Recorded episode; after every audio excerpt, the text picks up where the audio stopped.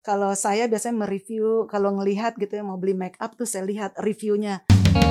Selamat datang hei kawan pajak diajak-ajak bayar pajak. Hey hey hey. Yuk dengerin hei kawan pajak diajak-ajak bayar pajak. Hey hey hey. Mari kakak, dia dulu kakak. Sudah banyak bertempatan isu pajak Kapan lagi bahas pajak bisa sambil ngakak Sambil ngerujak atau sambil gendong anak. Dengar dulu yuk, info gratis kok gak mau. Di follow dulu, gak ketinggalan melulu Ajak-ajak bayar pajak ini konsep baru. Simak dan hayati kelak negeri kita maju. Selamat datang hei kawan. Pajak diajak-ajak bayar pajak. Ajak, bayar pajak. Yuk dengerin hei kawan. Pajak diajak-ajak bayar pajak Ajak, bayar pajak Semua orang punya caranya sendiri untuk mengekspresikan cinta Indonesia. Ini cara kami. Ajak-ajak bayar pajak.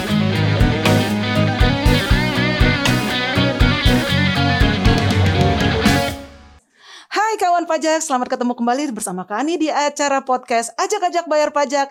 Dan kali ini bintang tamu kita sangat luar biasa. Siapa lagi kalau bukan seorang vlogger, seorang pembalap, seorang jurnalis dan juga instruktur otomotif dan keselamatan berkendara. Selamat datang kita sambut Mas Fitra Eri. Ah, terima kasih Bu Ani. Lancar sekali loh ini openingnya. Saya pikir eh, presenter TV ini Bu Ani. Padahal Kasubdit Humas loh. terima kasih udah ngundang saya ke sini. Iya, terima kasih selamat datang ini di kantor kami di kantor pusat Direktorat Jenderal Pajak. Mas Fitra Eri ini podcast kami ajak-ajak bayar pajak. Kawan pajak pasti pengen banget pengen tahu gimana sih awal mulanya karirnya Mas Fitra Eri ini mulai dari jurnalis sampai kemudian jadi reviewer mobil yang sangat luar biasa di Indonesia, jadi YouTuber vlogger tentang otomotif. Cerita dong, Mas. Jadi jalan hidup emang nggak ada yang tahu ya. Hmm. Eh, saya emang suka otomotif dari kecil. Hmm. Dan cita-cita saya, saya ingin bekerja di dunia otomotif. Mungkin saya ingin membuat mobil, saya ingin merancang mobil. Makanya saya sampai kuliah pun saya pilih teknik mesin waktu itu.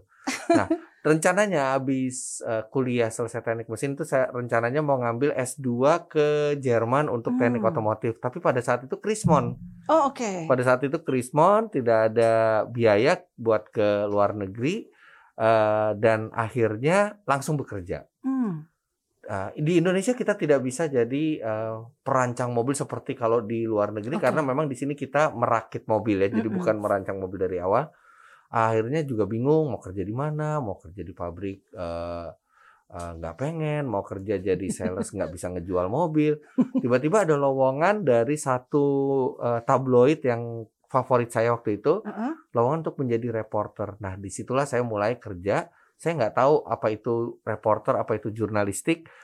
Ah, tiba-tiba, wah, kok saya disuruh ngetik ya? Oh, ternyata ini adalah pekerjaan jurnalistik. Saya jadi wartawan tapi otomotif. Oke. Nah, tapi karena basicnya saya suka otomotif, jadi menulis itu jadi mudah buat saya dan di situlah awal mula saya masuk jadi eh, jurnalis otomotif. Oke. Nah, jadi dari tadinya cita-citanya itu ingin merancang mobil, sekarang udah deh orang lain aja yang merancang mobil, saya aja yang menilai mobil mereka bagus apa enggak.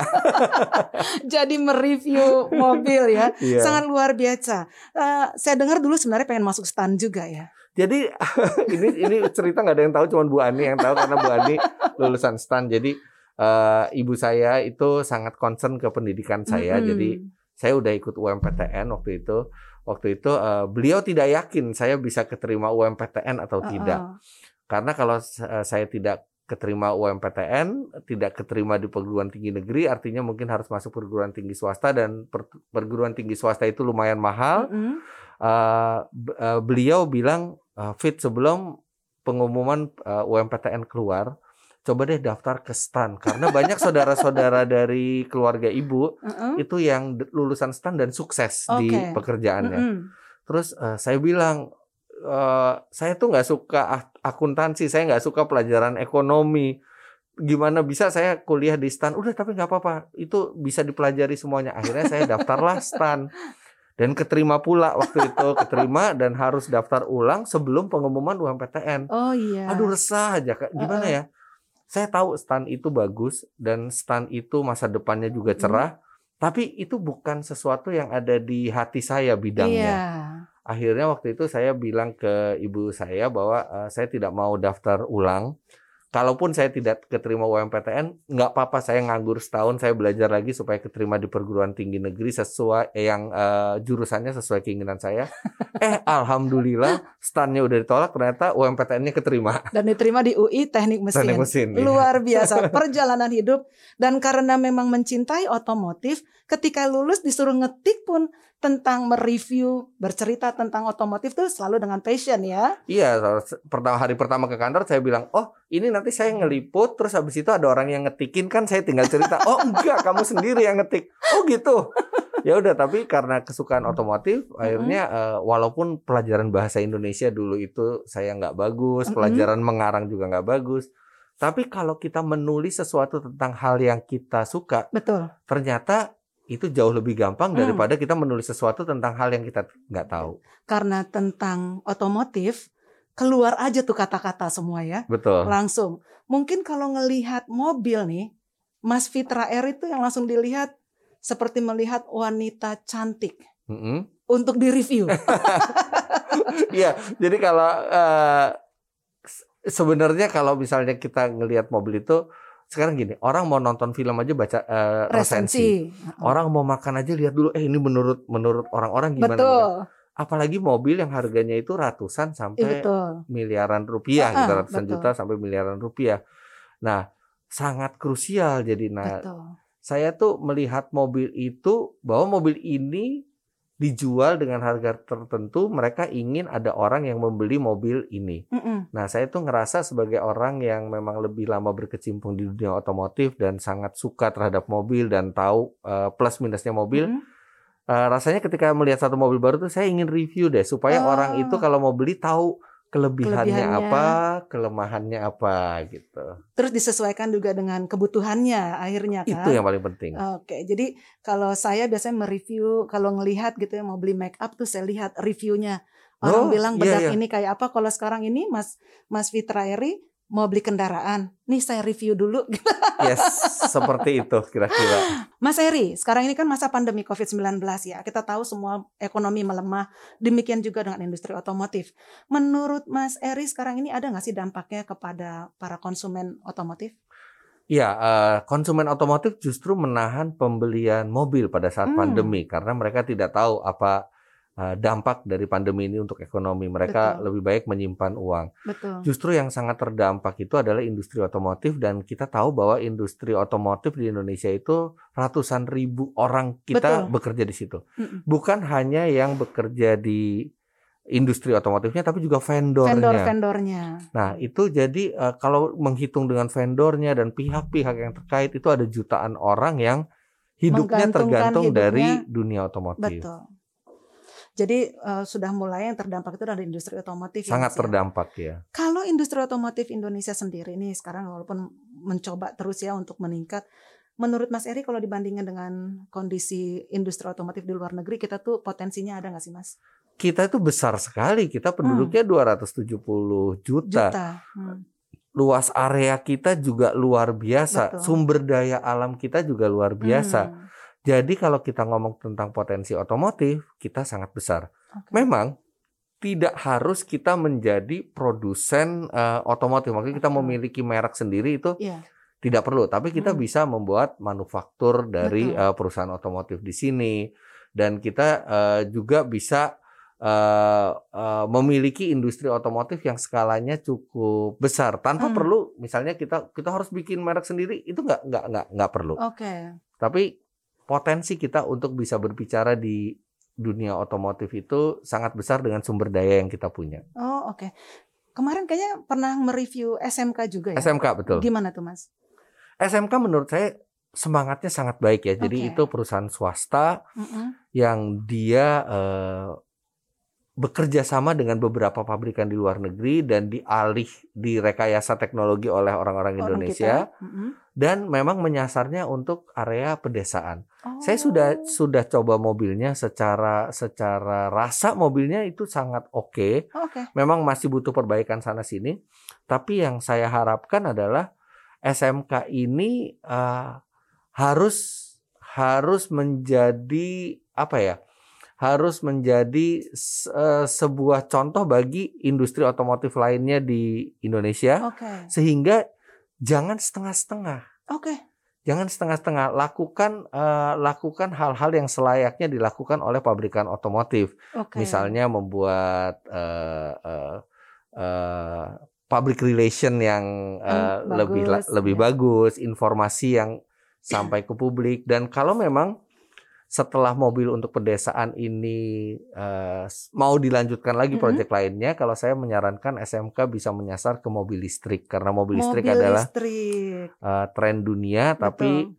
eh, semangatnya bagus SMK, tapi kalau bisa dikelola lebih profesional lagi dan disupport lebih luar biasa lagi mungkin ya. dan libatkan ahli-ahli otomotif juga Oke. untuk eh, menatap ke masa depan produk apa lagi yang sebaiknya dibuat oleh SMK. Tapi kita harus apresiasi. Betul. Mau produknya itu sudah sesuai dengan ekspektasi kita atau belum, kita harus ap- apresiasi orang Indonesia yang berani, Berani. membuat industri Betul. otomotif.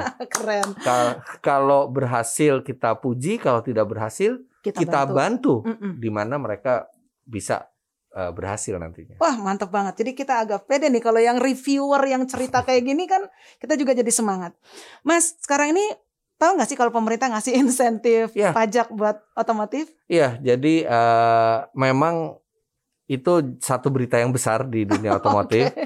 dan eh, saya juga udah ngobrol sama beberapa orang dari pabrikan mobil memang sangat membantu penjualan mobil yang sebelumnya terhambat pada saat Slow eh, sekali. ya. pandemi. Sebenarnya Mm-mm. apa sih di balik itu? Eh, justru pada saat pandemi malah pemerintah eh, ingin orang itu membeli mobil. Sebenarnya latar Banyak belakangnya yang apa? nanya gitu ya? Iya.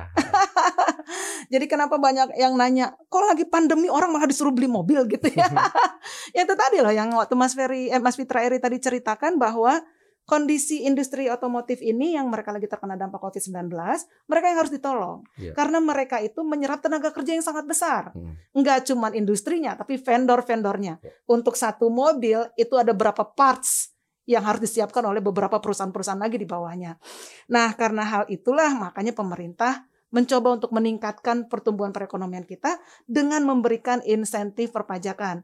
Jadi itu tadi banyak orang kan tadi nunggu ya duitnya disimpan mau nggak tahu padahal mau beli mobil gitu. Nah dengan ada stimulus ini diharapkan penjualan mobil jadi meningkat dan kemudian ekonomi bisa bergerak karena satu industri mobil ini diikuti oleh banyak sekali jutaan mungkin eh, pegawai ya pekerja gitu mas. Ya saya sih berharap eh, insentif pajaknya bukan cuma sekarang, tapi seterusnya Eh, pajak kendaraan di Indonesia itu termasuk yang Iya. tertinggi di Iya, dunia. iya. Jadi Betul. jadi kalau eh, kita bisa beli mobil di eh, Indonesia kita bandingkan kalau kita sama beli mobil mungkin di Amerika atau Iya. Eropa, kita tuh membayar mungkin hampir dua kali lipat harga mobil di sini. Karena pajaknya besar. Betul, pajaknya besar, tapi Nah. pasti ada pertimbangan tertentu ya Bu ya. Betul, karena kan pajaknya nih ada redistribusi income. Jadi Hmm. kalau ada orang yang mampu, dia akan untuk membantu yang tidak mampu Hmm. melalui proses penyediaan barang dan jasa publik Iya. namanya. Tapi yang jelas seneng banget loh ngomongin tentang otomotif Indonesia dan sekarang ini bah- bahwa teman-teman di apa komunitas otomotif sudah tahu ya bahwa ada insentif pajak Betul. untuk kendaraan bermotor. Betul, saya Mm-mm. sudah menikmati beberapa insentif pajak. Oh ya? Ah, ah, teruta- ah, terutama di kendaraan listrik. Oke. Kendaraan listrik ah, ah, BBN kendaraan barunya nol, kemudian Mm-mm. pajak kendaraan bermotor per tahunnya cuma 30% dari normalnya. insentif yang menurut saya cukup positif ya. Jadi insentif Mm. yang diberikan memang untuk memicu Menggerakkan. menggerakkan ah, minat orang ke kendaraan yang ramah lingkungan. Iya. Mas, ada pertanyaan terakhir nih. Yes. Mas Fitra Eri kemarin lapor SPT nggak udah punya NPP kan? Oh iya dong, saya setiap tahun karena menurut saya gini, eh, pajak itu memang eh, konotasinya agak negatif mm. karena kita di seolah-olah kita di, di- dimintain uang. Dimintain. Bahkan waktu saya SD aja eh, eh, pajak dulu dong buat senior, pajak dulu buat senior. Oh iya, pajak tuh artinya sesuatu yang sebenarnya tidak harus kita bayar, Iya, tapi ternyata diminta. kita diwa- diwajibin buat Uh-uh. bayar.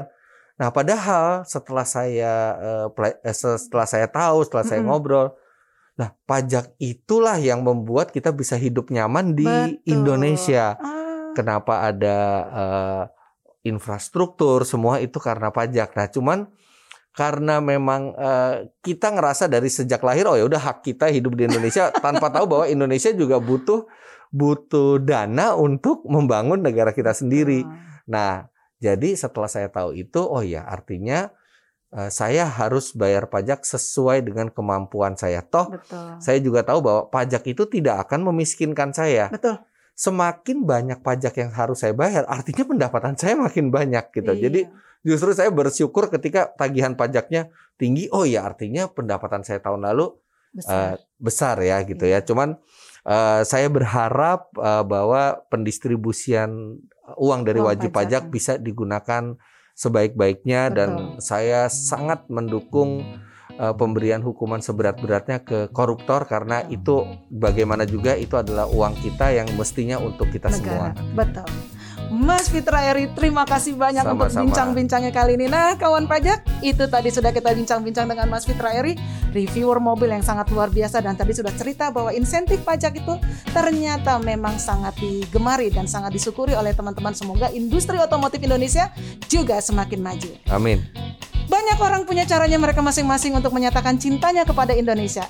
Ini cara kami. Ajak-ajak bayar pajak. Mas, bilang dong ajak-ajak bayar pajak.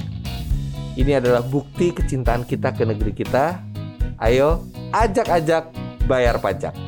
Ya, itu dia episode Ajak-Ajak Bayar Pajak kali ini Dan saya Kani dan juga Mas Fitra Eri mengucapkan terima kasih untuk kerja sama kalian semuanya Dan tetap ya, jaga kesehatan Dan mari kita tumbuhkan ekonomi Indonesia melalui insentif pajak Pajak kita untuk kita Sampai juga, sampai juga deh tuh Sampai jumpa Terima kasih Mas. Eri Terima kasih Bu Ani.